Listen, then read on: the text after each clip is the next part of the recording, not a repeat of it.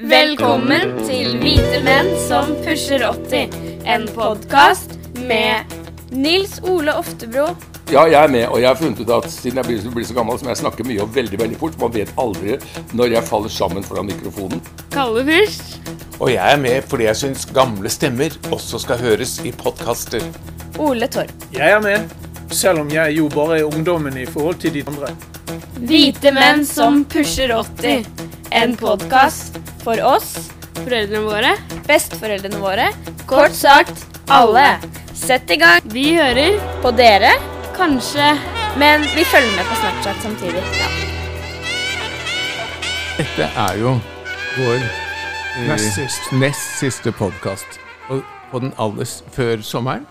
Og på den aller siste podkasten så skal vi ha besøk av Anine Kierulf, Ja, ja. som skal snakke om menneskerettigheter for eldre. Og vi kan kanskje utfordre henne litt på hva er menneskerettighetene egentlig? Ja, ja. Og så, Eh, og så er det Så dette er liksom Så jeg lurte på eh, Og vi har Det er ikke noen sånne veldig påtrengende temaer som står eh, her, men kanskje vi kan snakke litt om om Freia, kanskje vi kan snakke litt om Ja, det bare slo meg at uh, Men, men først må du ta på deg headset. Du klarer aldri å ta på deg Jeg klarer det meste, skal jeg Ja, si. så må du sitte litt nærmere, vet du. Ikke sant? Kom, kom nærmere. Ja, og så, nærmere mikrofonen, Ja, ja, ikke nærmere. Ja. Sånn, ja. Og så, Er det bedre der? ja, og så lurte jeg litt på vi, Jeg har snakket, satt dette her til det hver gang. Hva da? At du skal ta på deg headsetet og Ja, men jeg har det jo på. Ja, du Slutt å klarer mase. det jo aldri, for Ja, du men er du maser på meg. ja, Jeg har det på nå. Men hør nå. Ja? Nå skal jeg klippe tilbake, og så kan du høre alle de gangene vi har bedt deg ta på headsetet. Ja, men det, av og til er headsetet en sånn tvangstrøye. ta opp nå mens han forsøker å sette på seg headsetet. Bare dette er jo morsomt. Ja, det skal dekke ørene, det er riktig. Ikke nesen, men ørene. Ja, I min tid hadde vi folk som gjorde dette for oss. Ja, ja, ja. Åh, det er det, skjønner du. Bortskjemt vestlending. Mm. Sånn er det. Nå er jeg klar. Nå er jeg klar.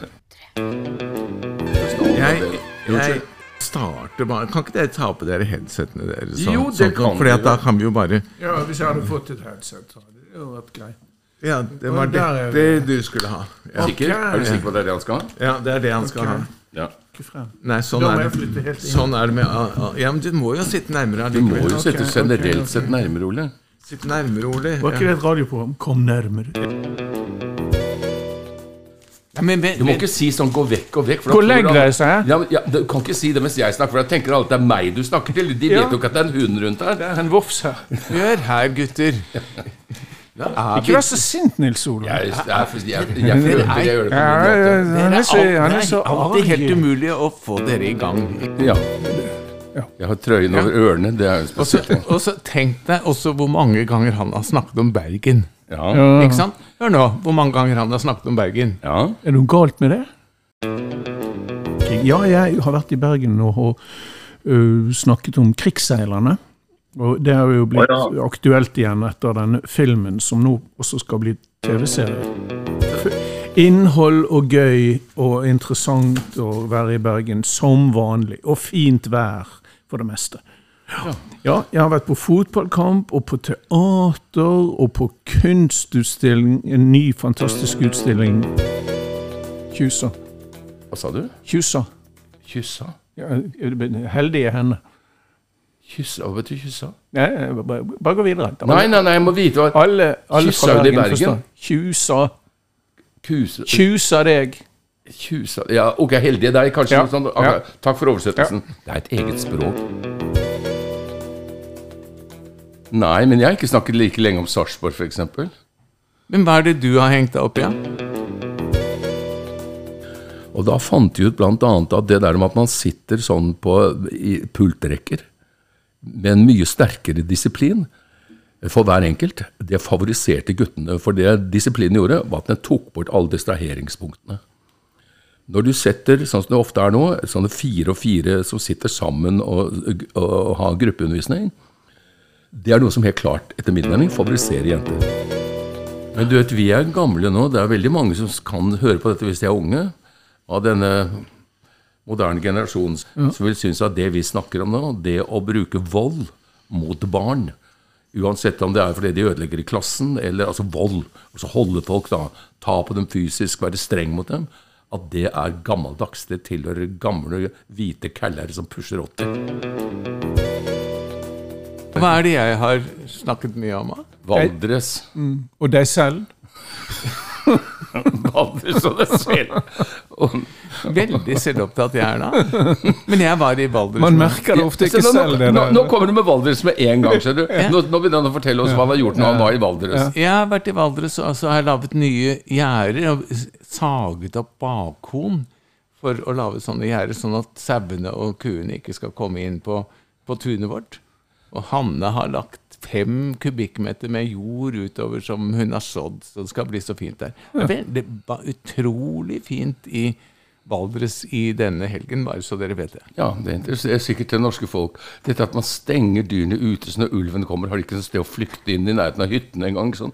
De står utenfor gjerdet og blir spist. Nå bygger man hytter der hvor sauene var vant til å ferdes helt fritt. Ikke sant? Og der forsøker det å gå, så kommer en hel ulveflokk støyende etter. Så sitter man i vinduet med en liten kikkert og titter på dem. så blir- Blir spist rett utenfor gjerdet. Mm. Lammelår utenfor gjerdet. Ja, for da tenker du nå kan du spise resten, men det blir ikke mye igjen, Kalle. Det blir ikke det. Lammelår snakker han om. Hva, slags, hva tenker du på da? Da tenker jeg på lammelår. Jeg kom til den alderen hvor jeg kunne da tenke på lammelår. Hadde jeg vært yngre, kunne jeg tenkt på eh, fårikål Nei, eller andre ting. Får jeg lov i kår... Nei, får jeg, ja, vi går ikke videre inn på den der. Nei. Men jeg, det er jo Jeg er sikker på jeg aner ikke hva dere snakker om. Det Det er jo- det verste. Ja. Det er litt interessant. Vi har altså nå hatt Dette er vår 14. podkast. Jeg ser f.eks. på Ole at han fra å være sånn seriøs journalist Ja. øh, med, som liksom ville være Så er han er jo løsnet lite grann. Han. Har du vært i Bergen siden sist, eller? Eh, Nei, bare i mine drømmer. Ja. Og i Branns drømmer? Ja, det også. Ja. Kalles det, eh, kalles det våte drømmer i Bergen? Ja, Men siden det regner så mye der borte? ja, det kan vi godt si. Ja, ok, Ja, ja. Ingen vil bli krenket av det. Nei, det er fint. Det er fint. Skal du lære din far å pule nå? Men ellers er det jo teorien at det bare finnes ett ord som slutter på A i Bergen. Ja. ja, nå skal ikke jeg gjette hva det er. Jeg visste du ville tenke koffert. Nei, jeg tenkte En brann ja, en brann kan vi snakke om. Ja, men det, ja, men vi trenger ikke å snakke lenge om det vi vet med klipp bort. eh, Fotball skal vi bare følge sla, sl, tett frem mot neste cupfinale. Jeg så dere Ja, men så dere eh, på lørdag, da? Så dere kampen mellom Altså fra Tyrkia? Så dere kampen mellom Manchester City og Nei. Det, gjorde Ja, vi, vi så den. Ja, det er litt jeg syns jo fotball er litt kjedelig. Fordi at de, de skårer liksom nesten alle. De kan spille og spille og sparke og sparke. Og så én gang i løpet av disse 90 minuttene så er det en som klarer å, å få ballen i mål. Ja, men du må Mens håndball, for eksempel, der blir det jo 30 mål på hvert lag. Og det, ja, men Derfor betyr liksom ikke noe få mål noe. Det er bare noen som fyker frem og tilbake over banen. banen så, bam, bam, bam, bam, bam, så forsøker de å hoppe over noen som forsøker å stoppe dem med begge hender, som ikke er lov. Og så, nei, det syns jeg er kjedelig. Håndball Nei, men er fotball er jo greit å se. Du, du, du kan jo multitaske mens du ser fotball. sant? Du kan scrolle på mobilen din og lese avisen og gløtte opp når kommentatoren begynner å skrike. Eller det er vanskelig, for de skriker jo hele tiden. Men um, de skriker ekstra høyt, så kan man titte opp. Det er sånn kunstig skriking, syns jeg. Men, men, ja, men, det, der. Jeg skal lette litt på mikrofonen. men, det, men det som er spennende med fotball, da, for den som er interessert i det, det er jo det å se Det er jo kanskje å spille sjakk. Altså å se hvilket utrolig overblikk mens liksom Se hvordan motstanderne flytter posis, posis, posisjonerer seg. Ja. Og, og hvordan du skal komme gjennom, og hvordan de forsøker å tråkle seg gjennom og inn til mål. Det er jo det som er like interessant som om de klarer å putte ballen i mål. Det er alt det som foregår foran, liksom, mellom uh, Sjakk. Ja. Det er også Det er, det er en måte en slags sjakk. altså hvordan de, hvordan de går fra den ruten til den ruten til den ruten. At der er det ledig. Nå har de sånn. Han Erling Hødbrå øh, Hva er det for meg? Dette er også litt Erling- sånn som å se maling tørke, liksom. Det er også ganske spennende. Ja, det er klart. Hvis du har den Det er litt sånn à la sjakk. Akkurat, akkurat. Du har den i forhold til sjakk. Ja. Akkurat, det, ja, det skal jeg nevne for han Karlsen hvis jeg noen gang skulle komme til å treffe han. Absolutt. Ikke la deg intervjue av Ole Torp, han er like interessert i sjakk som å se når maling tørker. Det Ja, er det no, Fins det noe verdensmesterskap i det? Å se maling tørke? Ikke det jeg vet, men lov meg at hvis du hører om det, så varsler du meg. Men det er nesten sånn Bergensbanen meter for meter, eller tur til Svalbard forbi absolutt alle isfjell du kan tenke deg liksom i timevis og dagevis. Men jeg malte dette huset her påsken 2020. Nei, Jeg tror ikke vi orker å høre hvor lang tid du brukte på det, Kalle. fordi at da fikk vi ikke lov til å reise på fjellet. For da måtte vi være hjemme, for det var så smittsomt å være på fjellet. Ja. Så da, da sparte jeg veldig mye penger ved å male selv. Jeg husker du leide heis. Jeg leide heis, og det var helt fantastisk. Alle sto og er balanserte på en sånn sånn heis som man styrte opp og ned. ja, du har så liten, Lift heter det visst på ja, du har så norsk. liten vogn du står i, ikke sant? Ja, sånn ja. litt gjerder og sånn. Ja. Ah, for vi gamle dager, når vi malte huset til far, for vi gutta ble satt til det, malte én vegg hvert år, altså hele huset var malt i løpet av fire år, så begynte vi om igjen på første veggen. Da måtte du stå på stiger, og det var en stor tomannsbolig. Og det å få med deg det malingsspannet opp, henge det på den kroken og gjøre, og så ned og flytte stigen en halvmeter og sånn. Og så var det sånne stiger som var de var liksom delt i to, ikke sant? så måtte skyve den ene delen oppå den andre, så var den festet sånn, og det var tunge stiger. Så lift syns jeg høres Det er tegn på fremskritt. Altså Det har skjedd mye i løpet av disse årene. Én ting er mobiltelefonen, men hallo. Du må, ha den, du må ha mikrofonen din litt høyere. Eh, Prøv nå da blir det bedre lyd, skjønner du. Snakk. Da kan jeg ikke se dere. Nei, men snakk nå inn. og så gå litt Er du interessert i å se? ja, jeg må se på dere hele tiden. Å, så hyggelig. Så stas. Ja. Nei, men, men, men, jeg husker gangen før. Altså Det må ha vært i 2012 eller noe sånt. nå, Altså ti, åtte år før. Da malte jeg dette huset med stiger. Og da tenkte jeg Da var jeg altså 68 jeg var gammel da, men ikke så gammel som nå. Eh, og da tenkte jeg at dette er siste gangen jeg står så høyt opp med en stige, og liksom strekker seg litt uh, langt ut for å prøve å få At du ikke trenger å skifte stigen så mange ganger. Det er, uh, det er mange som har skadet seg på det.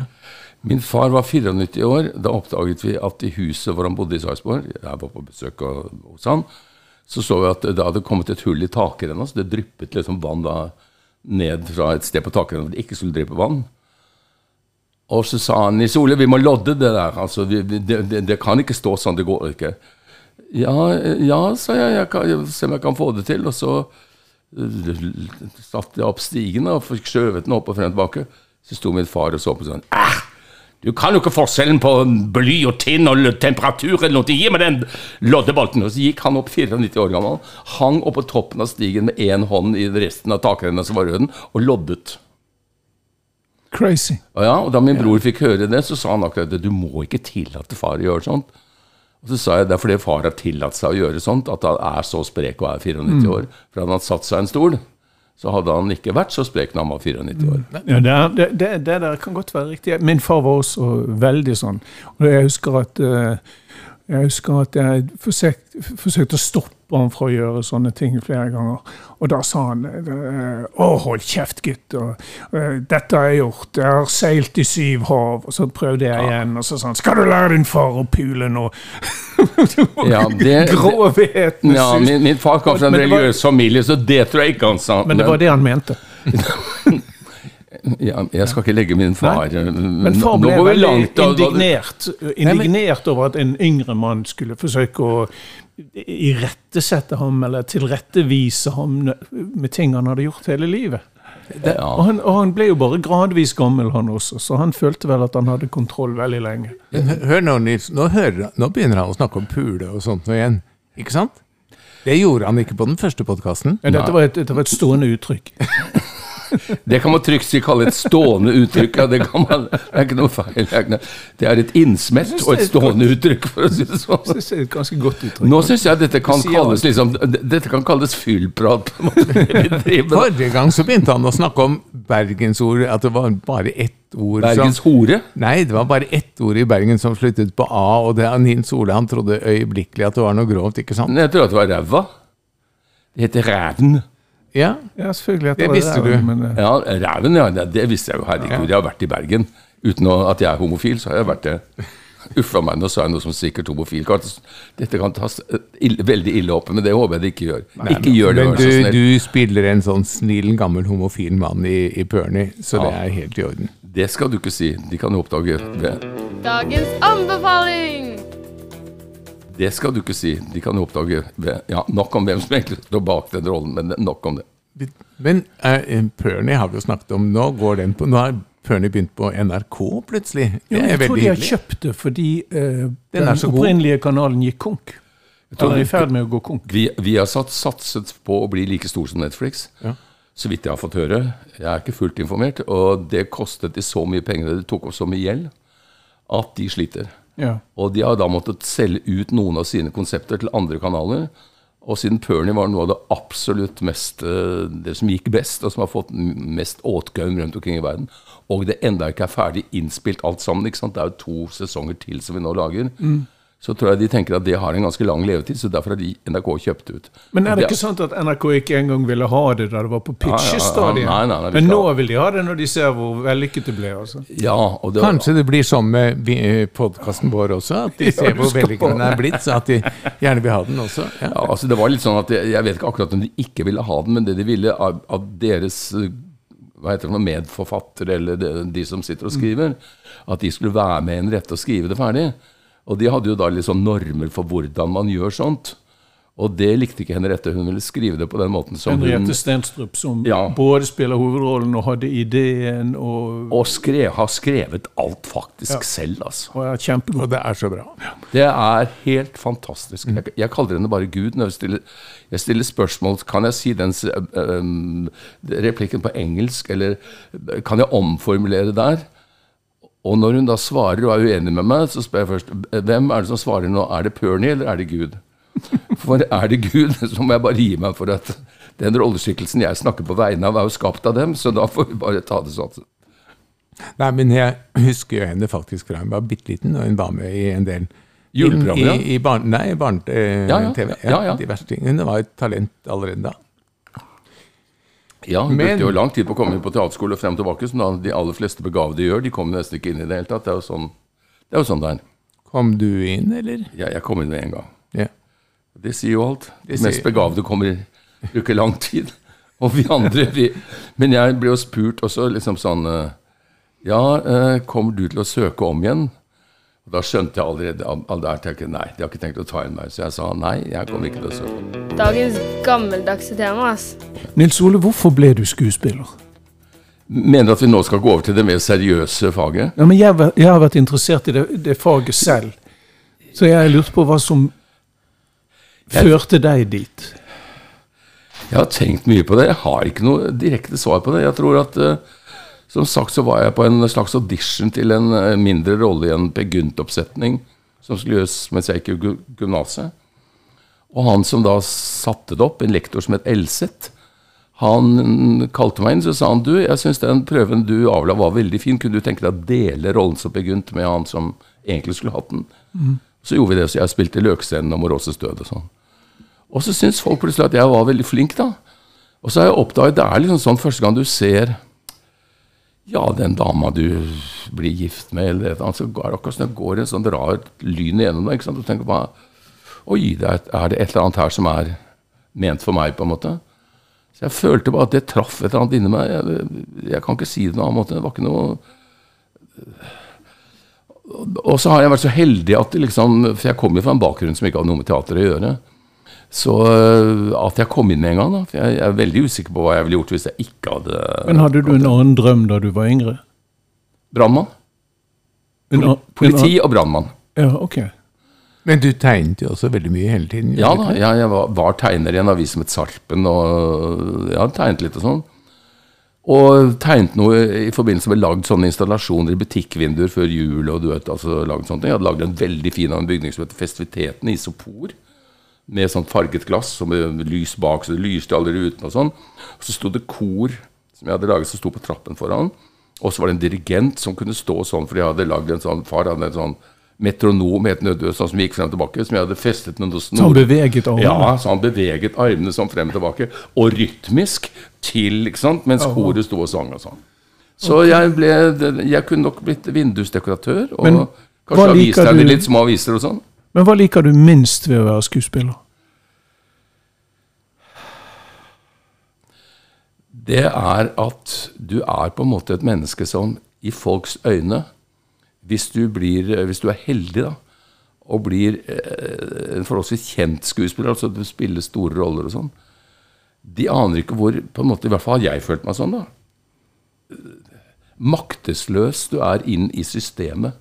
Det er teatersjefen, instruktøren, det er liksom alle som bestemmer hva du skal gjøre, når du skal gjøre det, og hva sånn og sånn. Og du har godt av å spille småroller. Ja, det har jeg sikkert, men det hadde hatt enda bedre å ha fri den perioden. Og det er liksom, ikke sant? Og så har vi jo vært såpass vanskelig å være noe annet enn fast ansatt, for lønningene er ikke så store. Og håpløs arbeidstid. Ja, det også. Det, det er jo koner, stakkars, som mest får, eh, og barn som liksom må bære prisen for. For vi er jo så ofte så spillekåte at og skjønner jo at folk ikke kommer midt på formiddagen for å se teater. De er på jobb, de òg.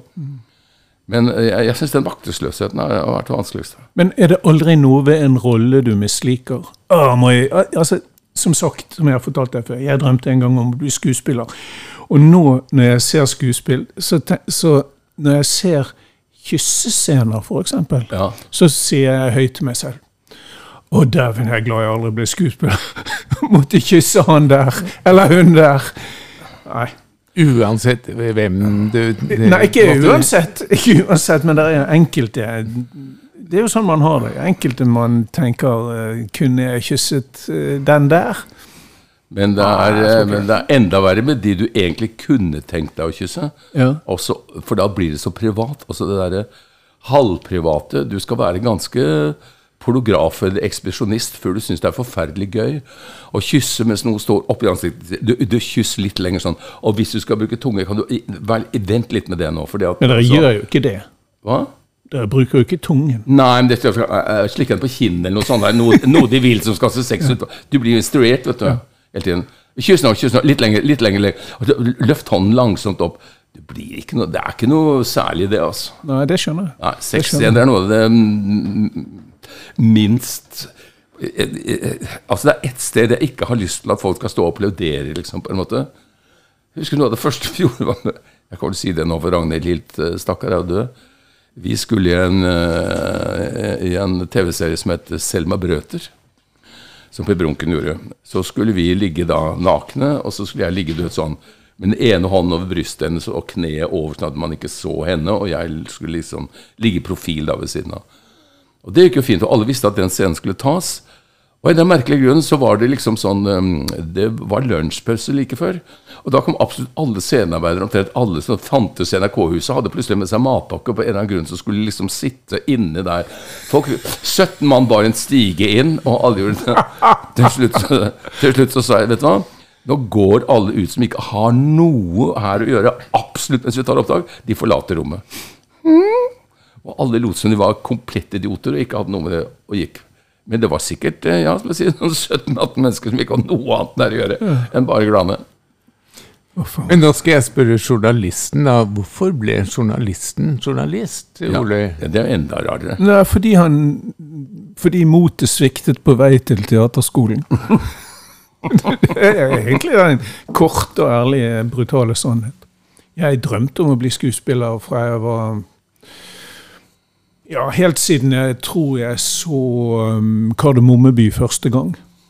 Da de kastet uh, trikken ut i teatersjefens losje på Den nasjonale scene. Kastet trikken ut! Ja, ja, de kastet Gjorde de trikken opp revolusjon liksom, på Ja, ja, ja. 70-tallet, dette her? eller? Og, og da stykket var slutt, så sa min mor nå er det stykket slutt, Ole, nå må, nå må vi gå hjem. Og da husker jeg, eller jeg er blitt fortalt så mange ganger, at jeg sa nei, det er ikke slutt, det er ikke slutt!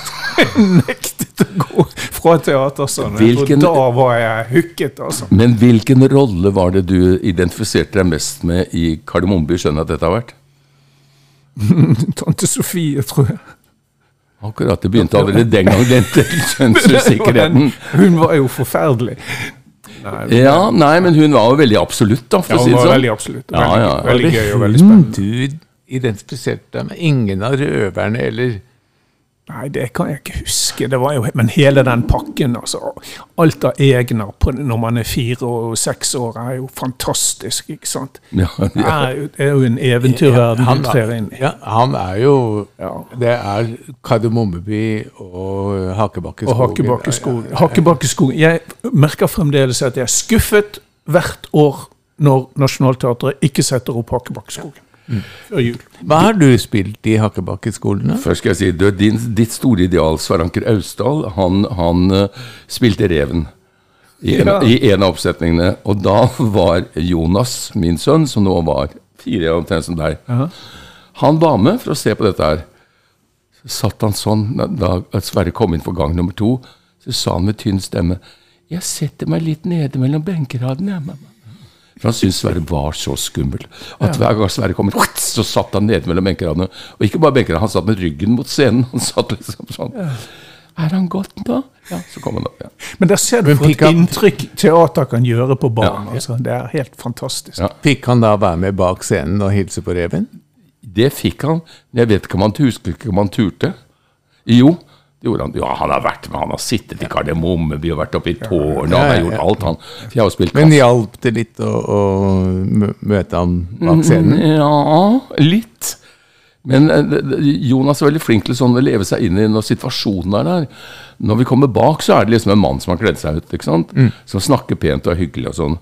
Og han skjønner jo det, selv om han ser litt skeptisk ut.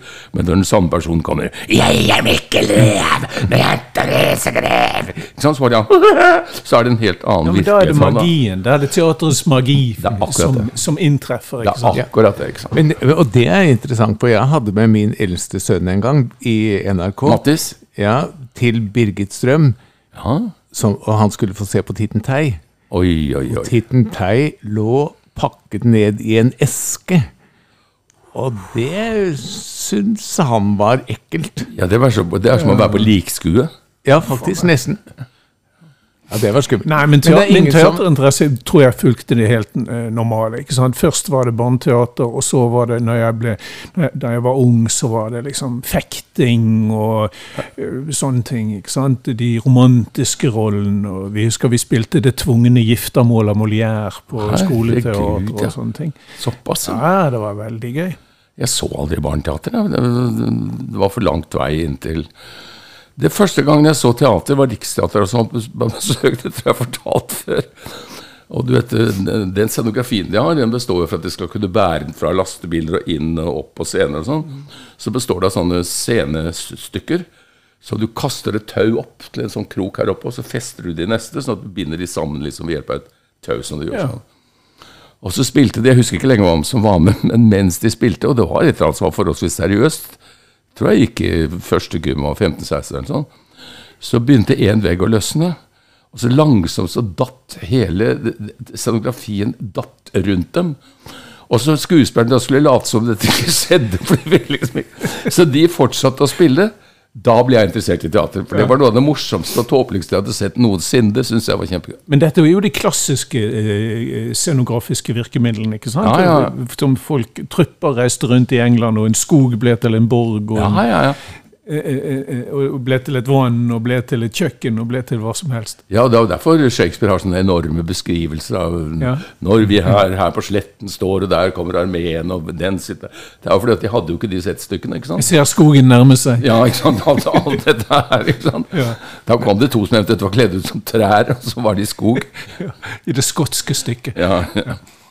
Jeg tror, jeg tror jeg ble kvitt teatergrillen etter å ha spilt sko både på folkeskolen og gymnaset og russerevy og studentrevy og sånt. Og så tror jeg Ja, nei. Jeg tror aldri jeg tror aldri jeg kommer til å miste den der lille feberen og den der eh, følelsen av å være til stede ved noe magisk som skjer akkurat der og da. Altså, jeg synes teater er Men det, helt fantastisk. ja, nei, men det er noe helt annet. Ikke alt, selvfølgelig. ja. Ja, ja, jeg synes også det, når, når teater nå, nå snakker jeg ikke på scenen, nå snakker jeg om for at, eh, Når du står på scenen, så tenker du ikke og bør ikke tenke for mye på 'Å, gud, nå skaper jeg magi', for da glipper magien veldig fort. Du må være i situasjonen, og så får man håpe at de nede i salen opplever det. Men jeg må jo si at når jeg har sittet i salen og sett uh, veldig gode kolleger uh, skape uforglemmelige øyeblikk, at det er også for meg blitt uforglemmelige øyeblikk. Ja. Sånn i eftertid. Det er det blitt. Ja. Det er jo på en måte øyeblikkets kunst. ikke sant? Ja. Teater er fint.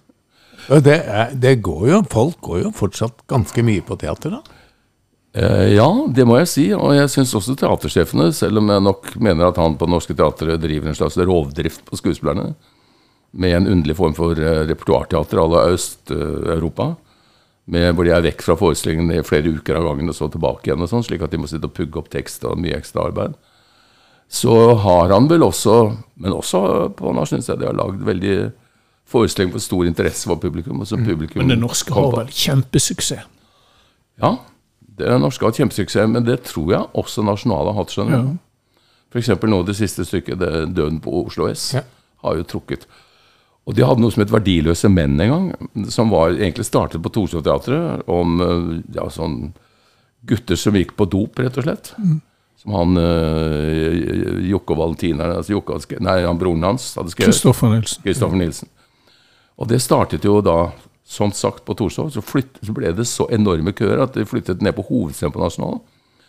Og det er noe av det sterkeste jeg har opplevd. Altså, Da satt det stappa fullt med unge mennesker som ikke har vært på teater hele sitt liv. tror jeg. Og under noen av sangene så begynte de sånn med sånn lightere. De var på konsert. Så De sto sånn med lightere i hovedscenen. nede i publikum. Så når teater treffer det som ungdom er interessert i, og treffer det på en måte som da disse forestillingene gjør, så er teater uforlignelig godt. Altså. Det må jeg virkelig si. Jeg håper de klarer å ta vare på Nationaltheatret på en artig måte. Ja, jeg, du jeg har ikke noe annet å si der enn ja. Men du vet, de velger å bruke 35 milliarder kroner fordi de tror det kommer en ny Breivik som kommer til å gjøre akkurat det samme som han gjorde, nemlig å kjøre en bil opp fra de bygningene og sprenge en bombe der. Og det må de beskytte seg mot. Så skjønner jeg jo at det ikke er så lett å skaffe penger til dette billige Du, du tenker på det nye regjeringskvartalet, ja. Ja, som det- blir en mastodont midt, i, midt i sentrum. Men Nationaltheatret skal de jo for sikkerhets skyld grave ned. Ja, vi har snakket om det. altså Det Ja, beste det er jo en plan. Ja, men det beste, ja. Men det er jo, det er jo en 13 stund som vil gjøre det Blir det det eneste land i verden som har et nasjonalteater under jorden. ja, Jeg vet ikke om det er noe traktat. Nei, det er vel kanskje sånn litt Man kalte det underjordisk teater også når det var redd for sensur og sånn. I sovjettiden så ja, Mm. hadde man en annen form for graveteater enn det. Nei, de må, de må pusse opp Nationaltheatret, koste hva det koste vil. Født fyrst, for, for faen. Er det det du ville vise som står på trøya di? Nei, Nå har jeg spurt dere, hva de, dere hvordan dere ble det dere har blitt. Ja, Hvordan ble du født fyrst, for faen? Vi kan starte der. Så Nei, det er den det- historien! Nei, nei, nei. Det er den spol, for lang tid. Spol videre. Så ringte morfar. Tok han telefonen, og så ringte han til Quislings kontor, og så sa han det er professor Bull, jeg vil snakke med Quisling. Og så ble han satt over. Det er professor Bull, min svigersønn er arrestert, og det liker jeg ikke. Og så la han på røret. Så gikk det ti dager, så ble far satt fri, og så gikk det ti måneder, og så ble jeg født. Så takk til professor Bull, ikke til Quisling, da. Vi går videre. Ja, du valgte altså Hva, hva er egentlig din yrkesbetegnelse? da? Produsent? Leder av barne- og ungdomsavdelingen? Du har så mange titler, du. Ja, jeg, jeg Instruktør? Jeg, jeg ble bare sånn tilfeldig eh, trukket inn. Jeg skulle ha en sommerjobb i NRK. Ja, ikke sant? Ja, og så etter jeg gikk på universitetet, og så fikk jeg den sommerjobben, og så ble jeg der som innspillingsleder først. Og så etter hvert som programleder i Flimra. Ja, og da ble vi jo anmeldt til Stortinget nesten for alt vi tok opp. Ja. Ja, og så, så ble jeg der. Men Janken Varden, altså Harald Eia senior, alle sier jo bare Harald Eia og alle. Nei, vi hadde liksom Vi skulle Vi kom bare innom for å tømme søppelbøtter, eller Ja, Så liksom alle i NRK er totalt ut, utdannelse. De har liksom bare kommet inn Det og blitt der. er Harald, Harald begynte jo i, i resepsjonen i, i barne- og ungdomsavdelingen. Ja. Ja, og der var det mange som, gode folk som begynte. Der, ja. Nei, men NRK er jo en sånn organisme. Du er innom på et vikariat, eller du er innom som telefonassistent, eller den tiden sånne ting fantes. Og så er det plutselig noen som sier 'hei, jeg er et talent'. og Folk har jo Det er jo virkelig et verksted for talenter. altså Det er veldig morsomt å se. Ja, det har det virkelig vært òg, mm. det må jeg si. Det har vært veldig har vært mange begavede mennesker som har kommet ut av NRK. Kalle Fyrst er en av dem. Å, Nils Ole, kan, kan jeg få klippe sånn at du sier det en gang til? Er det i orden? Det har vært veldig mange begavede mennesker som har kommet ut av NRK. Kalle Fyrst er en av dem. Jeg var i NRK, jeg er jo ikke der lenger. Nei, En gang til. Du var en av de begavede i NRK. Beklager at jeg sa er. Jeg ta bort det. Fordi at de vil jo ikke ha vår fine podkast i NRK. Så derfor er jeg jo ikke lenger i NRK. Nå kommer det også syting. Den skal vi ikke ha nå. Der kom det. Vi tar Skal vi ikke bare syting. heve oss over? Ja, jeg De syns vet det. ikke hva de går glipp av. Nei, nei, nei. antagelig. For eksempel, nå har vi ikke snakket om noe annet enn oss selv. Eh, Nå er vel snart podkasten slutt. Nei, men det er jo, folk er jo interessert i hvem vi er, som sitter her og snakker. Ja, det er mulig. Få frem skjulte sider ved oss selv. Åh, ja, skal vi se, har jeg noe jeg kan snakke om da, som er skjult?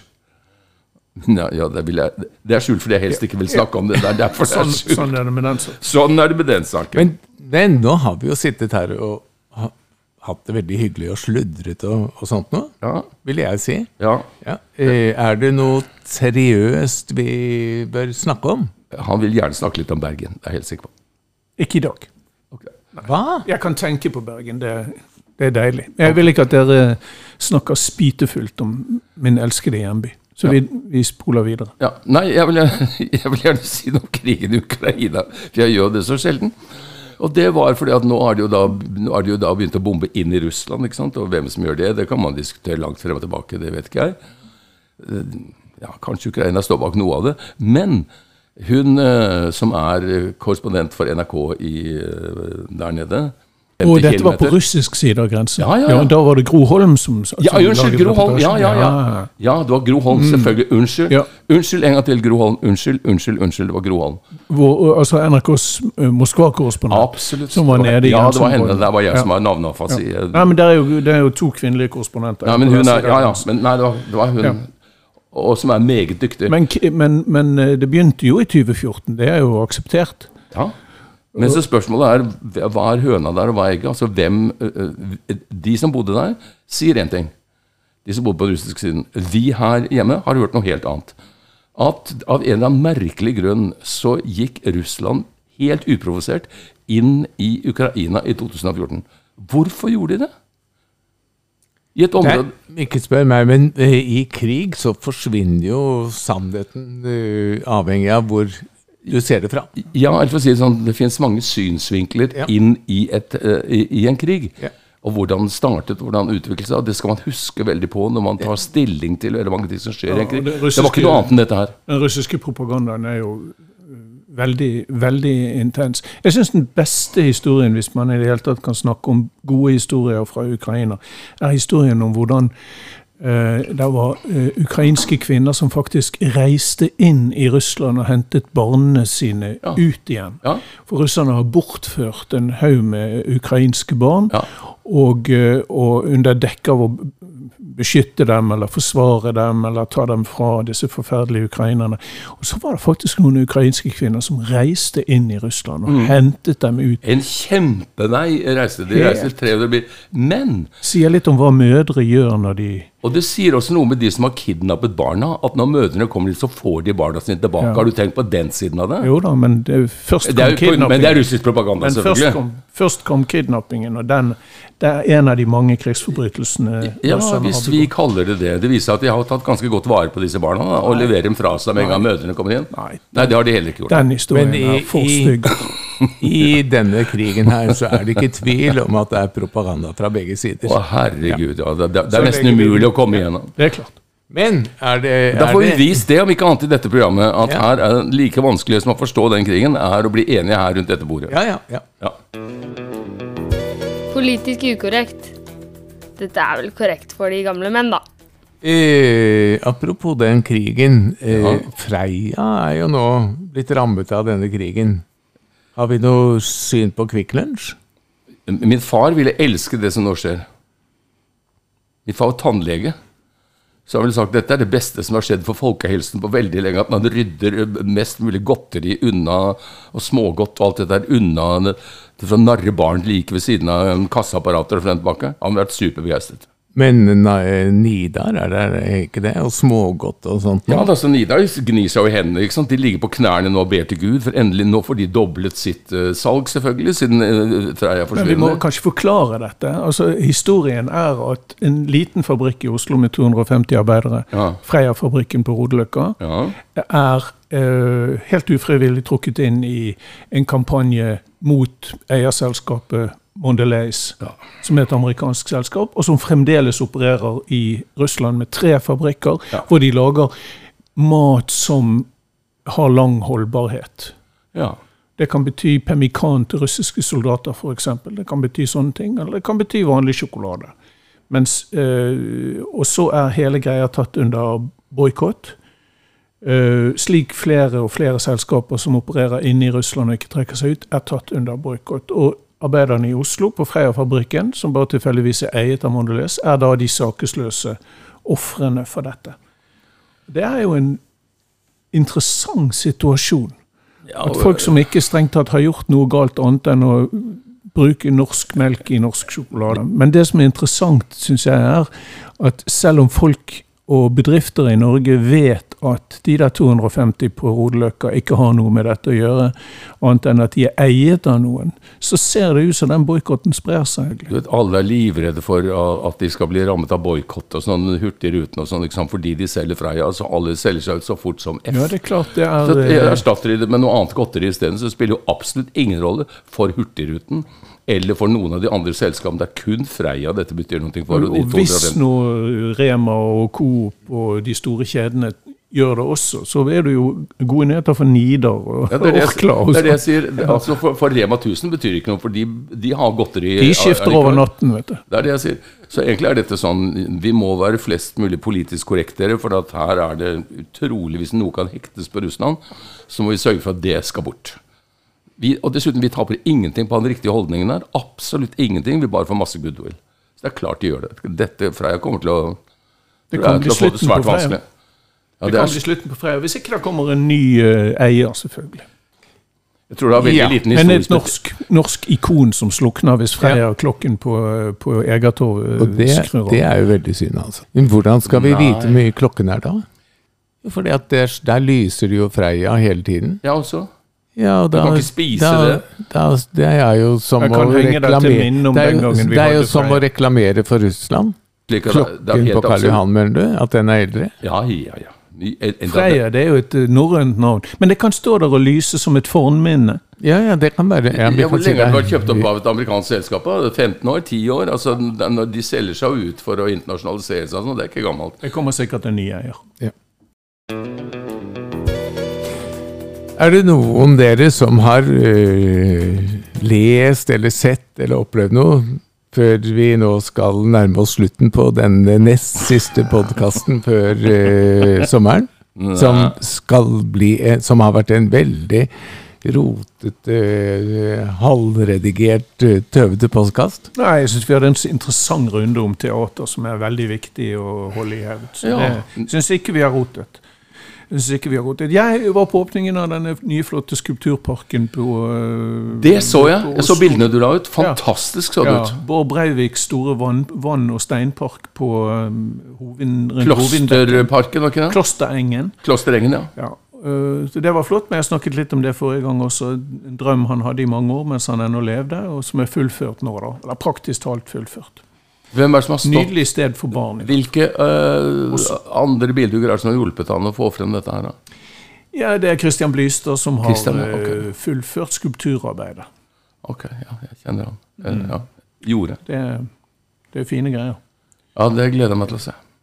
Nei, ellers har jeg bare gravd i hagen og lest og sånn. Du vet, som Cicero sa, den som ikke eier en hage og en boksamling, han har levd forgjeves. Ja, Hva skal vi snakke om nå, da? Nei, men Nå er vel programmet slutt, er det ikke det? Eller er det, nå er det jo sommer. Det begynner å bli en et sommerlig preg. Ja, det begynner å bli Nå har vi snakket om blomster og bier og beps og Ja.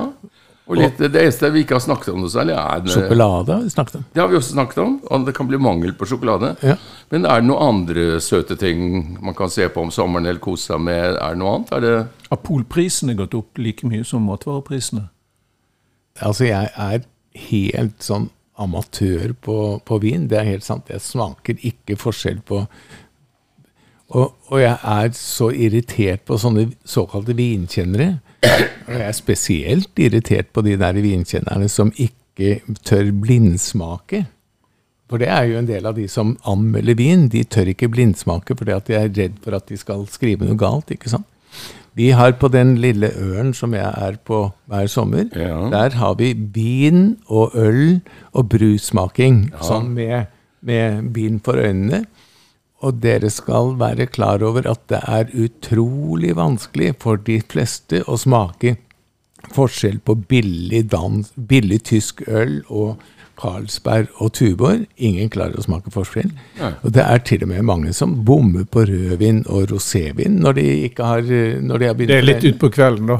Nei, det er ganske tidlig. Men altså, eh, prøv det der en gang. Og la folk eh, som påstår at de er veldig gode på vin, få fire glass med vin, og så skal de bestemme hva som er hva. Jeg syns de er så morsomme å lese de der eh, anbefalingene fra vineksperter, Når det står et hint av ditt og datt. Et hint av eple, eple, hør her, det var en som skrev sånne ting som eh, en, en, en bukett av kirsebær og en deilig eftersmak av Dolly Partons armhuler. Ja. Det, sånne ting syns jeg er Men spennende. Det er godt gjort, men det krever jo at man da har luktet inni Dolly Partons armhuler. Det er Eller, man kan, eller at man har en frodig fantasi. Ja. Ja, ja, ja den er Nei, men sånn. vinsnobberi er det veldig mye av, altså. Helt klart. Test på, Jeg, jeg, på kjøper, blind. jeg kjøper bare i kartong og i store mengder. Ja, da slipper du Det alt. spiller ingen rolle hvordan det bare, den- bare, den er så, bare den ikke er for søt, for da liker han den ikke. Ellers går det ned. Ja, ja, ja. Og så skal den jo være ta med isbiter, som du heller ikke skal være. For at hvis du drikker den sånn som den skal drikkes mellom sånn 12 og 14, da syns jeg det smaker altfor mye sånne rare Alle disse eple og lær og alt dette jeg skal gjøre. Hvis den er kjølig, smaker jo egentlig ingenting. Bare alkohol, liksom. Så du får smelt inn. Og så sier de ko-ko, og det er hyggelig. Og så gjør den jobben. Da gjør den jobben. Da hører du plutselig gjøken gale inni hodet ditt. Ikke ut, i treet, men sånn ko-ko, og det er veldig fint. Jeg Ja. liker gjøken. Det ble, dette blir vi aldri for gammel til. Nei, indre gjøk blir man aldri for gammel til å få kontakt med. Og det er deilig. Å, det er herlig. Nå syns jeg vi er midt om sommeren. Der, er- Nå er det full fart. Ja, ja, ja. Nå Nå er vi vi på full fart inn i sommeren. Takk for i dag, og god sommer. Neste Vi skal ha en, en til, men Ja, ja. Men nesten god sommer. Da Nesten vi tar vin ved Ja. neste runde. vi tar vin. Vi tar vin. Skal vi ta sammen med Anine Kierulf og menneskeretter, så tar vi vinsmaking. Kommer hun virkelig til oss? Ja. Du tror ikke at hun vil synes det er litt sånn Akkurat den dagen skal de være halvdrita som vi snakker om menneskerettigheter. Jeg er ikke så sikker på at det er en heldig kombo, men det får dere bestemme. Vi tenker på det. Ja, jeg syns vi skal tenke på det. I den grad vi kan tenke. God kveld. Nei, god dag. Eh, Eller god sommer. Lurer på om jeg skal kjøpe meg en Kvikk Lunsj før jeg går hjem. Hvite menn som pusher 80 er produsert av Fyrst og Far film og fjernsyn med støtte av Fritt Ord. Medvirkende er Ole Torp, Nils Ole Oftebro og Kalle Fyrst, som også er produsent.